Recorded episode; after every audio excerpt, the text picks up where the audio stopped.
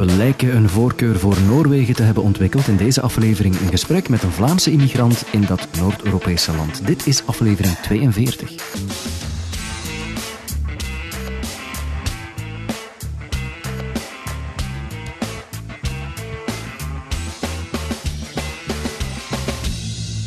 Zometeen dus dat gesprek met een voormalige VRT-collega Elisabeth Lano. Ze woont en ze werkt nu al een tijdje in Oslo, in Noorwegen. Haar verhaal hoor je binnen een paar ogenblikken. En ik kan je nu al vertellen dat wat ze zei zeer herkenbaar was voor mij, voor ons. De dingen die ze zei over immigreren waren ja, dingen die ook wij hebben meegemaakt. Die vele expats en vele immigranten, denk ik, ook meemaken. Dus zeker luisteren als je meer wilt te weten komen over Elisabeths verhaal. Eerst heb ik de eer en het genoegen om je een nieuwe producer aan te kondigen. Volgende mensen mogen zich met onmiddellijke ingang en tot de volgende aflevering van Rechtswegen producer van de Radio Rules podcast noemen en dienen als dusdanig met respect aangesproken te worden. En voor deze aflevering is dat Serge Franken. Serge vind je op Twitter onder de username Serge Franken. In één woord, met CK is zijn naam. Dus Serge Franken. Op zijn profiel omschrijft hij zichzelf als een leerkracht met een passie voor onderwijs en technologie. Hij is ook een podcast van, dat weet ik. En ik heb hem zelfs uh, persoonlijk ontmoet op het podcastfestival een paar weken geleden in Gent. Zeer fijn om uh, ja, toch eens je luisteraars te ontmoeten. Dus Serge, dankjewel om toen met mij te spreken op het podcastfestival. En dankjewel om producer te zijn deze week van de Radio Rules podcast. En als je zelf eens producer wil worden, dan kan je surfen naar radiorules.be en dan bovenaan klikken op producer worden. Het is trouwens helemaal gratis en voor niks. En uh, geen speciale voorkennis is vereist. Details dus op radiorules.be. Goed, nu dus die nieuwe aflevering in de reeks over Vlamingen in het buitenland. Mensen die wonen en werken in een ander land. En we zitten opnieuw in Noorwegen vandaag met iemand wiens verhaal ja, heel wat gelijkenissen vertoont met het mijne, denk ik. Het gaat namelijk om een voormalige collega van bij mij hier op de VRT. Vroeger kon je haar stem regelmatig in het nieuws op de radio horen als het over Europa ging. Vandaag hoor je haar nog steeds op de radio, maar telkens dan als het gaat over Noorwegen of over het noorden van Europa. Elisabeth Lano, daarover gaat het dus. Een paar dagen geleden had ik Elisabeth aan de Skype. Dit is trouwens opgenomen op de laptop. Dat gesprek met een eenvoudige microfoon, niet in mijn gebruikelijke studio. Vandaar dus de wat mindere kwaliteit van de audio, maar het is zeker beluisterbaar uiteraard. En de eerste vraag aan Elisabeth was om nog eens precies te zeggen waar ze zit in Noorwegen. Ik woon in de buurt van Oslo, op um, 10, 15 kilometer van Oslo. Ja, en de startvraag die ik aan iedereen stel is inderdaad, hoe kom je daar terecht? Hoe kom jij in Noorwegen terecht? Vertel eens. We hebben tijd, dus doe gerust. Je hebt twee verhalen. Aan de ene kant heb je de mensen die voor de natuur komen en aan de andere kant heb je de mensen die voor de liefde komen. En ik hoor bij de laatste categorie. Ik ben getrouwd met een Noor. Uh, en na eerst vele jaren samen gewoond te hebben in België, op het moment dat we kinderen kregen, begonnen de roots terug uh, te roepen en zijn we naar uh, Noorwegen verhuisd. Mijn man heeft, werkt hier voor het ministerie van Buitenlandse Zaken, heeft lang in uh, Oslo, uh, pardon, in Brussel gewerkt. Mm-hmm. Maar toen, uh, toen moest hij terugkomen of, of nieuw werk zoeken. En dan, ja, na al die jaren in België hadden we zin om Noorwegen wat te proberen. En dat was wanneer dan? Wanneer zijn jullie verhuisd? Twee jaar geleden zijn we verhuisd. maar we hebben natuurlijk al die jaren daarvoor hebben we ook veel tijd samen doorgebracht in Noorwegen. Dus mijn, mijn geschiedenis met Noorwegen gaat langer terug dan die twee jaar. Ja, ja. je kende Noorwegen natuurlijk ook omdat je daar al, al uh, vroeger geweest was, ook met, uh, met je man dan. Uh, ja, we hadden sowieso ervoor al, al onze vakanties hier doorgebracht. Dus ik kende wel het land en de mensen. Ja, ja. En toen je hem leerde kennen, toen, toen jullie ja, samen in Brussel vertoefden, was dat het plan van ooit gaan we naar Noorwegen of is dat dan zo geleidelijk gegroeid? Hoe ging dat?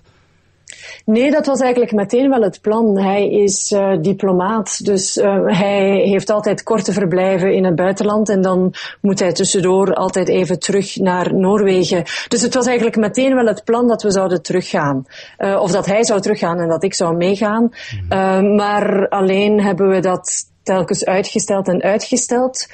Tot we dan kinderen hadden en toen, was de, toen werd het toch belangrijker voor mijn man om ook hier een tijd te leven met de hele familie. Ja, precies. En die verhuis dan heel praktisch, hoe, hoe ging dat bijvoorbeeld? Neem nu iets als papieren of verblijfsvergunning, hè? want Noorwegen is geen lid van de Europese Unie. Was het dan makkelijk om als niet-Noorse daar uh, ja, papieren te krijgen of hoe ging dat precies?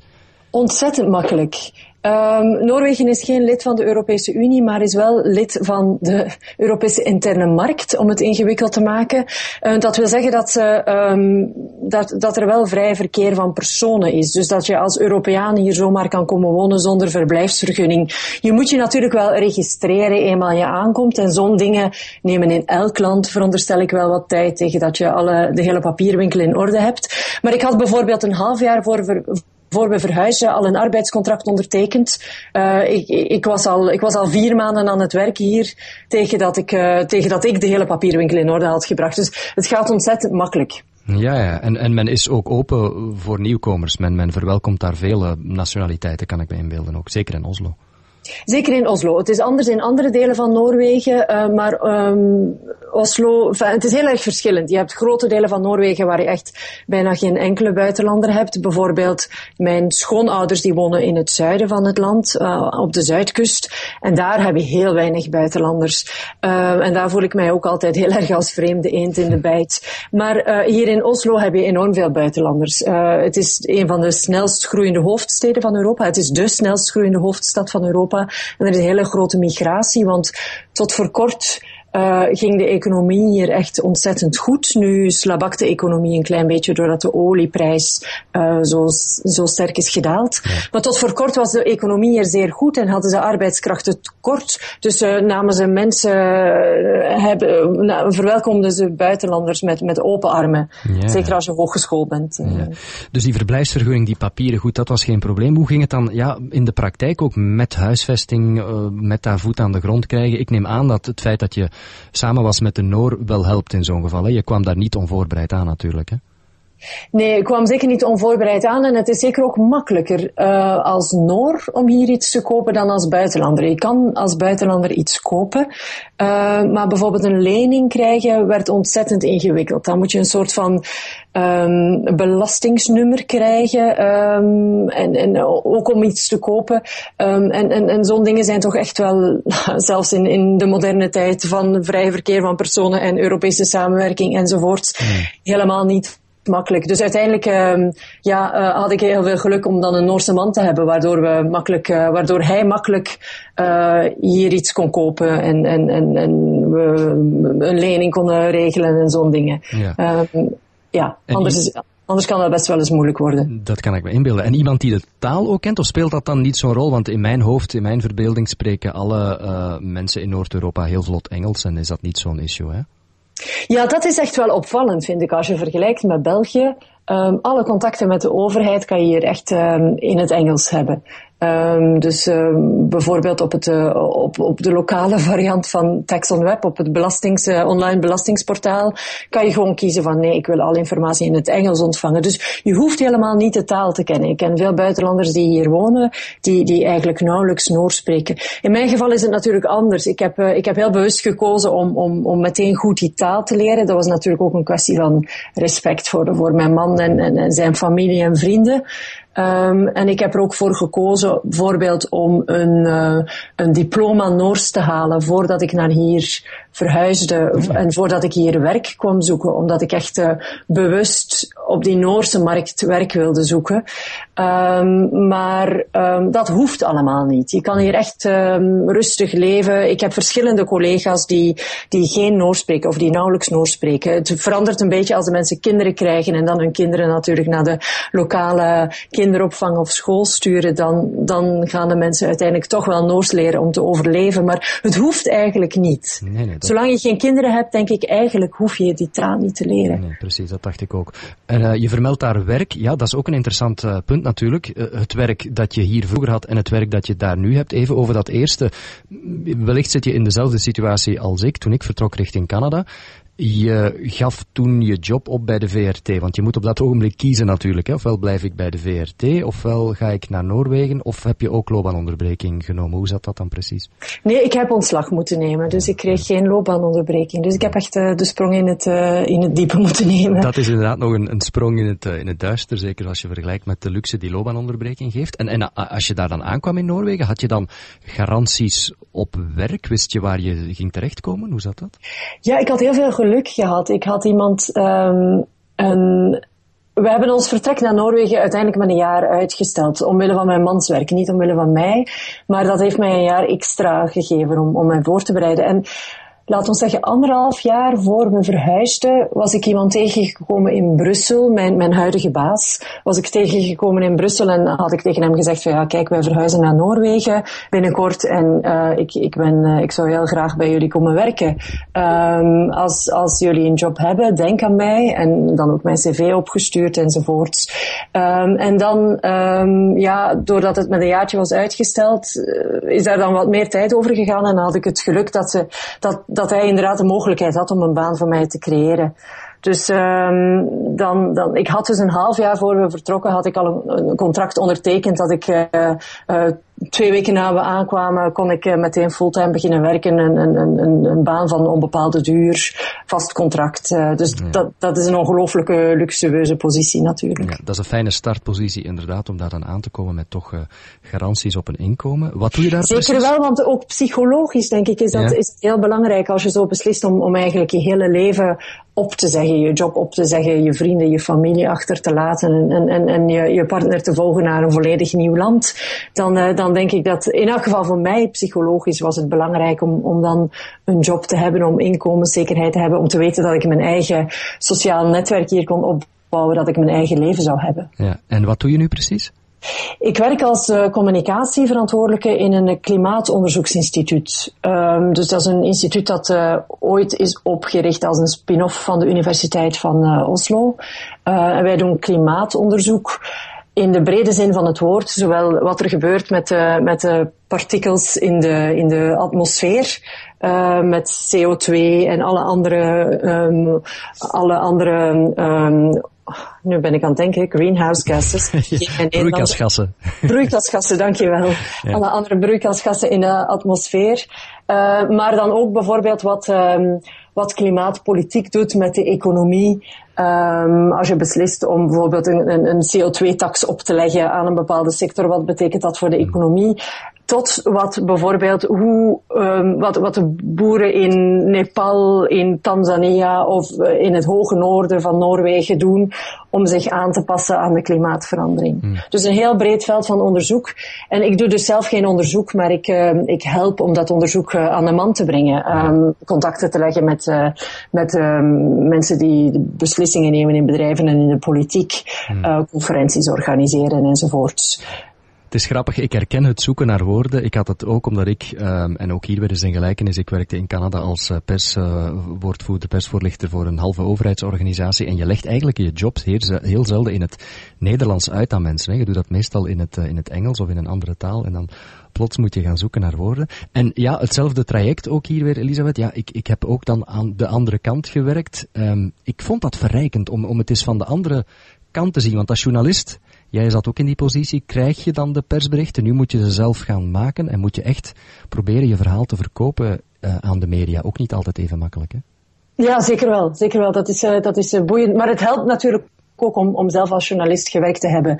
Dat je meteen ook de, de, de verwachtingen kunt temperen. Uh, waar ik nu werk van ja, dit is echt wel heel erg gedetailleerd. En ik denk niet, dit is echt voor de, voor de specialisten. Ik denk niet dat we daarmee de voorpagina van een krant halen. Maar soms, soms gaat het ook verrassend makkelijk. Um, ik, ik heb bijvoorbeeld zelf een rapport geschreven over um, klimaatcommunicatie. Hoe moet je, hoe moet je met de mensen, hoe kan je de mensen overtuigen dat, dat het nodig is om, om zelf inspanningen te doen om de klimaatverandering tegen te gaan. Wat werkt wel, wat werkt niet? Welke boodschappen werken wel, welke boodschappen werken niet? Dat was iets wat ik helemaal niet aan de media had verkocht. En dan plots, een half jaar later, duikt dat dan op op een voorpagina van een krant. Dus soms gaat het ook uh, automatisch. En, en ja, dat, dat herken ik natuurlijk ook nog van de tijd uh, dat ik op de radio werkte. Dan, dan denk je pas als journalist, oh, hier heb ik iets interessants gevonden wat ja, niemand anders nog heeft. En, dus ja, het is wel leuk inderdaad om het dus, uh, van de andere kant te zien. Ja. En hoe moeilijk was het om afscheid te nemen van de VRT? Of laat ik het ruimer stellen, afscheid te nemen van ja, de journalistiek. Je staat nu aan de andere kant van de journalistiek. Hoe moeilijk was dat? Heel moeilijk in mijn geval. En, en, en ik hoop nog altijd van, van het, het, is echt, het is echt mijn droomjob Dus ik blijf het ook doen. Nu um, heb, ik, uh, heb ik wat kleinere reportages hier en daar en, en, en, ben ik nog altijd correspondent voor het nieuws. Schrijf ik af en toe eens in een krant. Heb ik mijn eigen blog. Die, die journalistiek is echt een, een, een virus waardoor ik ben gebeten. Um, en en ik, ik, zal dat, ik zal dat blijven doen. En ik, dat is echt mijn, mijn, mijn, mijn eigenlijke beroep. Hmm. Maar um, natuurlijk hier als journalist werken, in, uh, werken als journalist in een andere taal is helemaal niet evident. Um, en bovendien hier um, kunnen ze ook de straten leggen met journalisten. Het is een hele populaire opleiding. Um, en, en net zoals overal in Europa uh, wordt er in de mediasector ontzettend veel ontslagen. Hmm. Dus de, de kansen om hier fulltime als journalist te werken zijn heel beperkt. Maar ik werk in een klein teampje van vijf mensen waar uh, drie van de vijf journalisten zijn. Dus um, oh ja. ik zit nog altijd in een journalistieke omgeving in, in die zin. Ja, gelijkgestemde zielen. En ik herken het hoor, je zegt inderdaad dat is uh, je droomjob. En uh, goed, je hebt nog die blog en we horen jou nog regelmatig op de radio. Hè, dus je, je blijft daar uh, mee bezig. Um, even over het, het leven terug in Noorwegen. Als ik aan Noorwegen denk, dan denk ik, Elisabeth, vergeef het mij maar aan de clichés. De uitgestrekte natuur, de fjorden, de bossen, gezonde lucht, vriendelijke mensen. Klopt dat allemaal? Uh, de natuur, om het eerste te nemen, dat klopt zeker. De, uh, het is een land met ongeveer de helft van het aantal inwoners van België. Um, en het is, oh, nu ben ik het vergeten, ik geloof dat het tien keer zo groot is. Het is echt, het is een enorm uitgestrekt land en, en, en ja, eigenlijk, je hebt nauwelijks, je hebt een beetje stadsgevoel als je echt in het centrum van Oslo bent of in het centrum van Bergen, een van de grote, andere grote steden. Maar eigenlijk meteen zie je al de bergen er rond liggen of de heuvels er rond liggen. Dus die natuur is echt alomtegenwoordig en, en tekent ook deze maatschappij heel erg. Wat je doet in het, in het weekend in je vrije tijd is, is de natuur opzoeken. En zelfs al zoek je eigenlijk niet die extreme ervaringen op, zelfs al ga je niet bijvoorbeeld eh, vier dagen met een tent in de bergen trekken, zelfs kleine, kleine zondagse wandelingetjes in de natuur houden alleen dat je echt over rotsblokken moet klimmen. En, en de natuur is echt veel meer alomtegenwoordig en veel extremer, mhm. waardoor je ook echt, uh, het weer is natuurlijk ook extremer, dus je moet echt rekening houden met, met die natuur.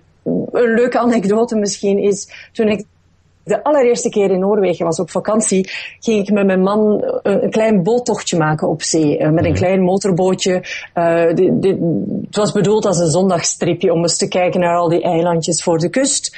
En plots kwam daar dan een, een, een storm opzetten, een, een onweer, een zomeronweer. En, en werd die zee echt gewoon een hel waar je plots over moest.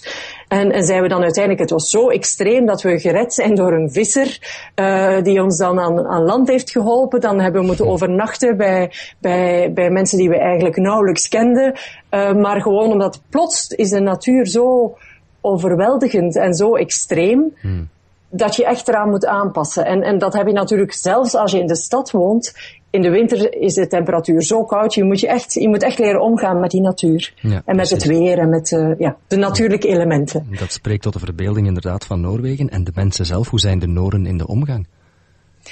Gereserveerder dan Belgen. Um, we gelijken eigenlijk heel erg op elkaar. We zijn, we zijn, we zijn zowel de Belgen als, als, als de Noren zijn, zijn Noord-Europeanen of West-Europeanen. Um, ik denk dat het verschil tussen waarschijnlijk Italianen of Mexicanen en Noren nog groter is natuurlijk. Um, maar, maar ze zijn toch opvallend gereserveerder. Het valt al op in het eerste contact. Er wordt bijvoorbeeld niet gekust. Je geeft een hand of, je, of je, als je de mensen echt goed kent, dan geven ze een, een, een, een, eh, omhelzing. Uh, klopjes op de rug of zo, maar, maar je, je, je kust niet. Dus dat heb ik ook al moeten leren, dat, om dat kussen te laten. Um, en, en het duurt echt een langere tijd om te onttooien. Ik herinner mij de eerste zes maanden op het werk, heb ik mij eigenlijk behoorlijk alleen gevoeld, omdat de mensen, de mensen komen niet zomaar eens kletsen.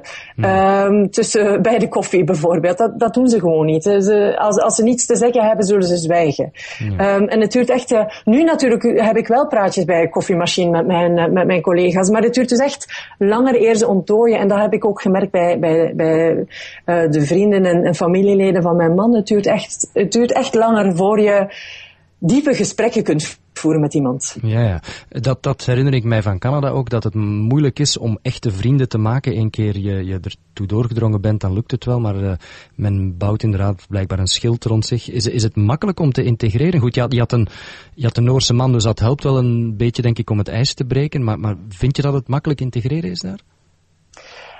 Ja en nee. Um, ja, op een oppervlakkig niveau is het makkelijk uh, te integreren, maar doordat het een, een tamelijk, heel lang een tamelijk geïsoleerde maatschappij is geweest, wordt er echt wel verwacht dat je helemaal Noors wordt. Dat je helemaal assimileert, dat je helemaal zoals hen gaat doen. En dan, dan, als je helemaal zoals hen doet, dan kan je gewoon meedoen. Dan kan je gewoon integreren enzovoorts. Maar ik vind om zo um, toch nog altijd met, met één been erbuiten te staan. Uh, en, en dat doe ik ook wel een beetje bewust. Ik heb er ook wel nood aan om, om, om, om ergens mijn, mijn, mijn eigenheid een beetje te behouden. En ik spreek ook nog altijd Nederlands met de kinderen. En, en dan merk ik toch dat het, um, ja, ik vind het niet evident om helemaal te integreren. Hmm. Is er zo iets als een Belgische community, een Belgische expatgemeenschap daar in, uh, in Noorwegen of in Oslo? Ja, ja we hebben een, eh, een Facebookgroep um, van mensen die in Oslo wonen. En er is ook een andere Facebookgroep van België in Noorwegen. Maar ja, natuurlijk zijn het uh, de mensen die in Oslo wonen die ik zie. En uh, ja, ik heb wel regelmatig, uh, eigenlijk de, de, de, de beste vrienden die ik hier heb gemaakt sinds we hier wonen, zijn Belgen. Ja. Ja. Um, waarschijnlijk ook omdat je of, of andere expats. Waarschijnlijk ook omdat je dus een beetje die ervaring deelt van naar het buitenland te verhuizen. En, en, en de, het is niet dat wij alleen maar samenkomen om te klagen over de Noren. Dat, dat is niet het geval. Maar, maar je, je, je deelt wel een, een heel aantal ervaringen. Je deelt een achtergrond met de Belgen, wat het natuurlijk makkelijker maakt. Je hebt een, hmm. een gezamenlijke culturele achtergrond.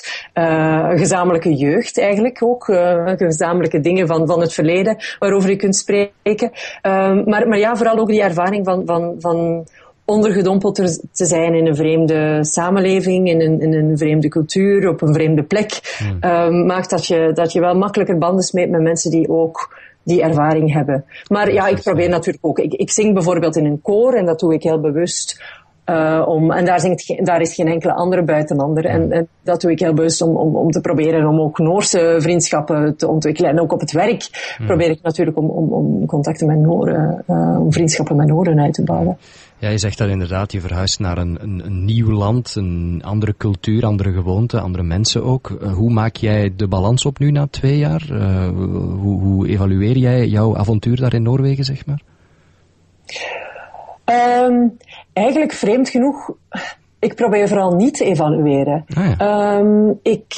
Um, ja, ik, ik, heb ergens weinig keuze. Dus ik probeer, ik probeer gewoon het beste ervan te maken. Um, en ik probeer eigenlijk vooral niet te veel na te denken over wat is beter, wat is slechter. Um, ik probeer in het nu te leven en ik probeer zo gelukkig mogelijk te leven. Maar, maar ik, slaag er, ik slaag er wel in om, om, om gelukkig te zijn, om leuke dingen te doen. Uh, en, en we zijn natuurlijk ook met een gezin naar hier verhuisd. Dus natuurlijk, je gezin blijft hetzelfde. Je, je blijft een beetje dezelfde dingen doen met je gezin. Mm. Um, dus...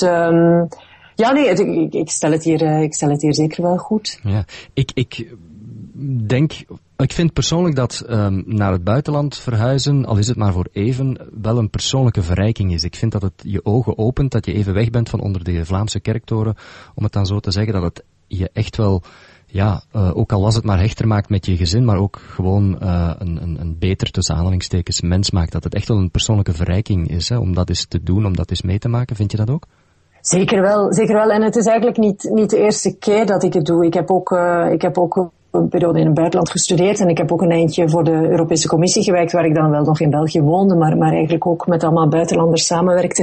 Ik denk dat het heel, uh, ik vind het heel uitdagend, om, omdat je, ja, je moet, je moet echt ook nadenken over jezelf. Je leert goede dingen en slechte dingen kennen, wat, wat andere mensen anders doen. Um, en, en, en dat zet je aan het denken. Um, en, en soms vraag ik mij af hoe makkelijk het zou zijn om nu terug te keren naar België en, en tussen allemaal Belgen te wonen en met allemaal Belgen te werken. Um, je, je went eraan om, om, om ja, het, het, is, het is op een ander niveau werken, vind ik. Omdat je dus, ja, je, je, moet, je moet harder nadenken, je moet harder je best doen. Um, ja. Kom je nog regelmatig naar België, Elisabeth? Ja, wij komen ja, twee of drie keer per jaar nog op bezoek. Het is gelukkig niet zo ver. Hè. Het is nee, uh, twee, uur, twee uurtjes vliegen. Um, en uh, af en toe ook nog eens voor het werk. Um, dus ja, jawel, we komen wel nog. Ja. Um, ik weet dat je niet wil evalueren, maar ik ga de vraag toch stellen. Maar wat mis je nu het meest uit België? Want dat is een vraag die je vaak te horen krijgt ook natuurlijk. Ja, als, als um, Bruggeling mis ik het meest historische steden. Ik ben net een weekje in Brugge geweest en dan besef ik van, dit is mij zo ingebakken. Um, en, en, en we waren ook even in Brussel en, en, en dan denk ik van, oh, Oh, oude gebouwen. En dat hebben we hier, uh, dat hebben we hier heel weinig. Uh, doordat alle huizen ook in hout zijn. En, en de mensen gaan niet met de, de natuur is hier de geschiedenis. Niet zozeer de, de steden en de gebouwen. En, en dat mis ik. En natuurlijk ook een aantal dingen van het eten. Het eten is gewoon beter in België dan in Noorwegen, vind ja, ik. Is dat zo? Veel meer, ja, veel meer diversiteit, veel meer keuze, veel meer. Dus uh, dat, dat, dat mis ik ook echt wel. Ja. Um, en ja, je... dat zijn zo de twee belangrijkste dingen, denk ik. Ja, en als je dan een tijdje terug in België bent, zoals het bij mij toch, dan ga je plots weer dingen missen uit je nieuwe thuisland. Is er iets waarvan je dan zegt na een tijdje uh, terug in België, waarvan je zegt, dit mis ik nu wel weer terug vanuit Noorwegen? Ja, de natuur. Ja. Heel gek. De natuur, het, het, het, zicht, het zicht op de heuvels, het zicht op de bossen, um, de mogelijkheid om, om, om, om een paar uur in de natuur te gaan wandelen, um, dat, dat ga ik dan missen. En dan valt het mij ook op hoe, hoe, hoe volgebouwd België is en, en hoe lelijk België soms uh, wel is. Hmm. Um, en soms vind je die lelijkheid charmant en mooi, en soms gaat dat dan ongelooflijk op je systeem werken. Als je natuurlijk het, het, het zicht op de, op de groene heuvels gewoon bent, dan denk je van, oh jee. Ja. Als je dan de twee landen naast elkaar zet, hè, België en Noorwegen, wat is dan zo ja, het grootste verschil dat je kan zien? Of, of is er niet zo'n groot verschil? Wel, iets positiefs wat mij echt wel opvalt hier in Noorwegen is dat er een groter vertrouwen is. Een groter vertrouwen in elkaar. Het is een klein land, meer, meer gelijke mensen, um, minder verschillen, maar ook een groter vertrouwen in de overheid. En wat mij heel erg opvalt, een groter vertrouwen van werkgevers in werknemers. Je hebt een enorme vrijheid als werknemer en de werkgever gaat ervan uit dat het eigenlijk per definitie wel goed gaat, tenzij jij iets zegt. Um, en dat is toch een hele andere instelling dan in België. Um, en, en dat uitzicht bijvoorbeeld ook in, in de balans tussen privéleven en werk je krijgt een enorme vrijheid hier om, om vrij af te nemen voor de kinderen of, of als er een loodgieter komt of weet ik, weet ik veel. En, en dan gaat de werkgever ervan uit van ja, jij, jij doet je werk wel. Wanneer je het doet, hoe je het doet, dat gaat ons niet aan. We gaan ervan uit dat jij je werk wel doet en dat jij, dat jij verstandig genoeg bent om, om dat zelf te regelen. En dat vind ik een, een, grote luxe om, om, om zo te kunnen werken en leven. Um, om, om zo in elkaar te kunnen vertrouwen. Dat is echt iets uh, wat, wat mij positief opvalt hier in Noorwegen. Um, goed, je, je, zegt, je zit daar nu twee jaar um, met de job van je man ook. Hoe zie jij de toekomst? Hoe ziet de planning eruit de komende jaren, zullen we maar zeggen, Elisabeth? Ja, onze planning is dat we geen planning hebben. Okay. Um, dat, is, uh, dat is het lot van een uh, diplomatenvrouw, denk ik, wat ik dan ook geworden ben. Ja. ja, per definitie hebben wij eigenlijk altijd uh, tijdelijke contracten en tijdelijke verblijven. Dus onze planning is eigenlijk van, van zo, we kijken misschien twee jaar vooruit, dat wel. Um, dus uh, de komende twee jaar zijn we nog in Noorwegen. Maar daarna is het een groot vraagteken wat we zullen doen. Of we terugkeren, of we terugkeren naar België of we naar een ander land gaan. Um, dat zullen we dan zien. Hmm. Los van, van dat bestaan dan, van het, het lot van een diplomatenvrouw, zie jij voor jezelf uh, een permanente toekomst in Noorwegen? Had je nu daar kunnen blijven? Zou je daaraan blijven? Of, of zou je terug naar België komen uiteindelijk? Nee, ik denk dat ik zou terugkomen naar België, omdat ik het, um, omdat ik professioneel gezien voorlopig niet boeiend genoeg vind hier. Ja. Misschien heb ik nog niet de juiste job gevonden, maar ik vind het op zich niet boeiend genoeg om hier permanent te blijven. En ik denk eigenlijk ook, ik heb nog maar weinig um, buitenlanders ontmoet die, die dat dan ook zeggen, van wij zijn hier voor altijd. Als ik met andere buitenlanders spreek, um, heb ik het gevoel dat de meeste mensen dat eigenlijk als, als iets tijdelijks zien, iets tijdelijks wat dan heel vaak gerekt wordt en, en, en misschien uiteindelijk wel permanent wordt. Maar er zijn weinig mensen, heb ik het gevoel, die naar het buitenland verhuizen met het idee van, ha, daar ga ik mij nu permanent vestigen. Hmm. Ja, ik heb de indruk dat bij veel buitenlanders het idee heerst, we gaan proberen voor één, twee jaar, en die twee jaar wordt dan drie jaar, en die drie jaar wordt dan vier jaar, en plots kijk je dan achterom en blijkt het dan vijf of, of zelfs tien jaar te zijn, maar echt vooraf al zeggen van, we gaan definitief weg, dat is zo, ja, bijna een psychologische drempel waar je over moet, denk ik, hè? Ik denk het ook. Ik heb in elk geval nog maar weinig mensen ontmoet die, die, die met die instelling verhuizen. Um, Ehm, ja, uh, ik, ik denk sowieso, zeker in ons geval, wij zijn dan een gemengd koppel, dus ik denk dat wij, dat wij altijd ergens op zijn minst tussen twee landen zullen blijven hangen en misschien ergens in een derde land eindigen, omdat het dan uh, neutraal terrein is. ik wil zeggen, neutraal terrein, wie weet. Ja. Oké, okay, Elisabeth, waar kunnen mensen jou vinden? Je blog bijvoorbeeld, mochten ze meer willen weten over jou? Mijn blog is belgianupnorth.com. Okay.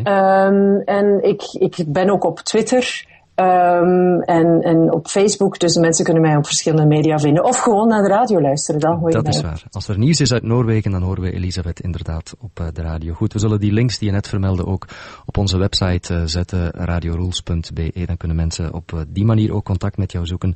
Elisabeth, dankjewel om even tijd te maken voor ons. ik wens je alle succes toe daar in Noorwegen en tot, tot op de radio binnenkort dan wellicht. Hè? Ja, hopelijk wel. En tot zover het gesprek met Elisabeth Lano. Opvallend toch hoe uh, veel dingen terugkomen in verhalen van immigranten en zo herkenbaar zijn als je zelf een tijdje in het buitenland hebt gewoond. Alle links en informatie vind je terug op radiorules.be, mocht je meer willen weten over Elisabeth. Daar vind je trouwens ook alle vorige afleveringen, dat weet je. Help ons om de wind in de zeilen te houden. Vertel iemand anders over deze podcast. Maak een beetje reclame op sociale media bijvoorbeeld. Deel het goede nieuws en stuur een tweet of deel op Facebook. Er zijn verschillende manieren om Radio Rules te steunen. Eh, dank alvast voor het luisteren voor deze week en graag tot de volgende aflevering.